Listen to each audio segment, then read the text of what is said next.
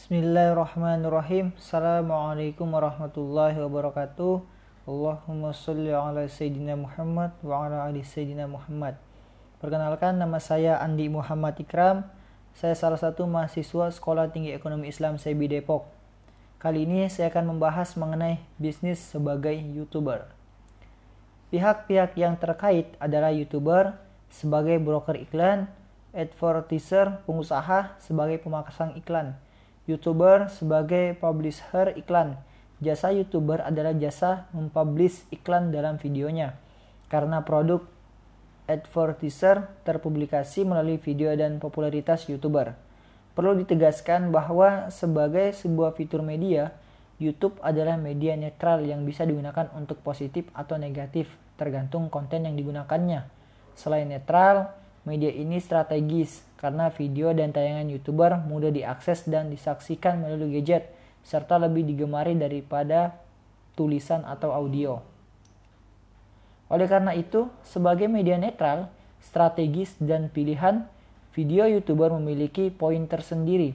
Selain sebagai lahan berbisnis, juga bisa dijadikan sebagai sarana menyampaikan pesan kebaikan dengan tetap komitmen pada rambu-rambu islami sebagai berikut.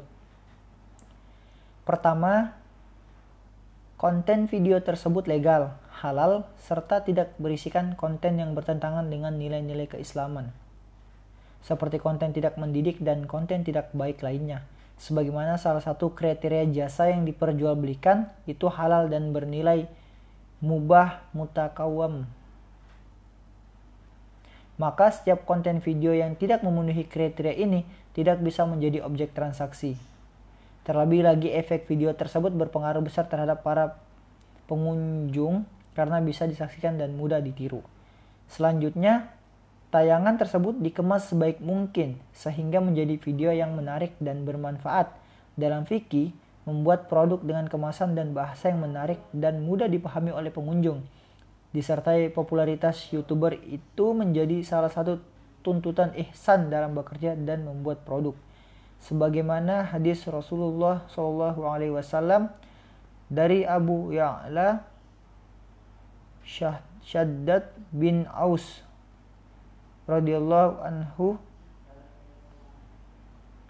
Dari Rasulullah Shallallahu alaihi wasallam beliau bersabda sesungguhnya Allah menetapkan mewajibkan berbuat ihsan atas segala hal.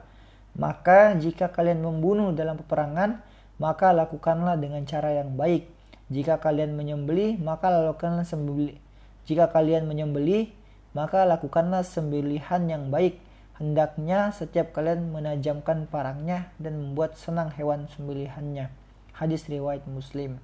Sebagaimana penegasan Ali bin Abi Thalib radhiyallahu anhu, berbicaralah kepada manusia dengan yang mereka pahami. Apakah kalian suka apabila Allah dan Rasulnya didustakan?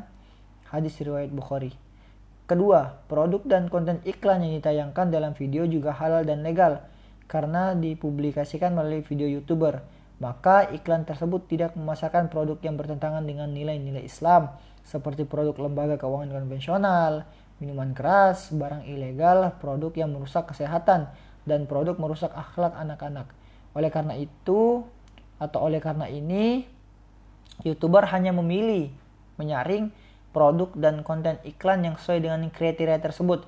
Misalnya, fitur filtering iklan di AdSense YouTube memungkinkan iklan-iklan non halal tidak tampil di video YouTuber. Misalnya, YouTuber juga bisa memastikan bahwa pengunjung YouTube tidak terkena iklan-iklan eh, retargeting dari produk non halal. Ketiga, ada kejelasan hak dan kewajiban antara pihak di antaranya YouTuber sebagai penjual jasa dengan perusahaan sebagai pembeli jasa yang dilakukan sesuai kesepakatan. Misalnya, jika yang didapatkan oleh YouTuber itu tidak didasarkan pada jumlah yang mengunjung tayangan iklan perusahaan dalam video tersebut. Maka transaksi antara YouTuber dan YouTuber dikategorikan sebagai jual beli jasa memasarkan produk dalam iklan melalui video YouTuber. Tetapi jika fee yang didapatkan oleh YouTuber itu didasarkan pada jumlah yang mengunjung tayangan iklannya, maka dikategorikan sebagai jumlah eh maka dikategorikan sebagai juala atau fee, reward atau success fee yang diberikan berdasarkan prestasi. Selanjutnya seluruh hak dan kewajiban serta hal-hal lain dituangkan dalam perjanjian sebagai referensi transaksi jual beli tersebut. Mungkin cukup sekian dari penjelasan saya. Kurang lebihnya mohon dimaafkan. Assalamualaikum warahmatullahi wabarakatuh.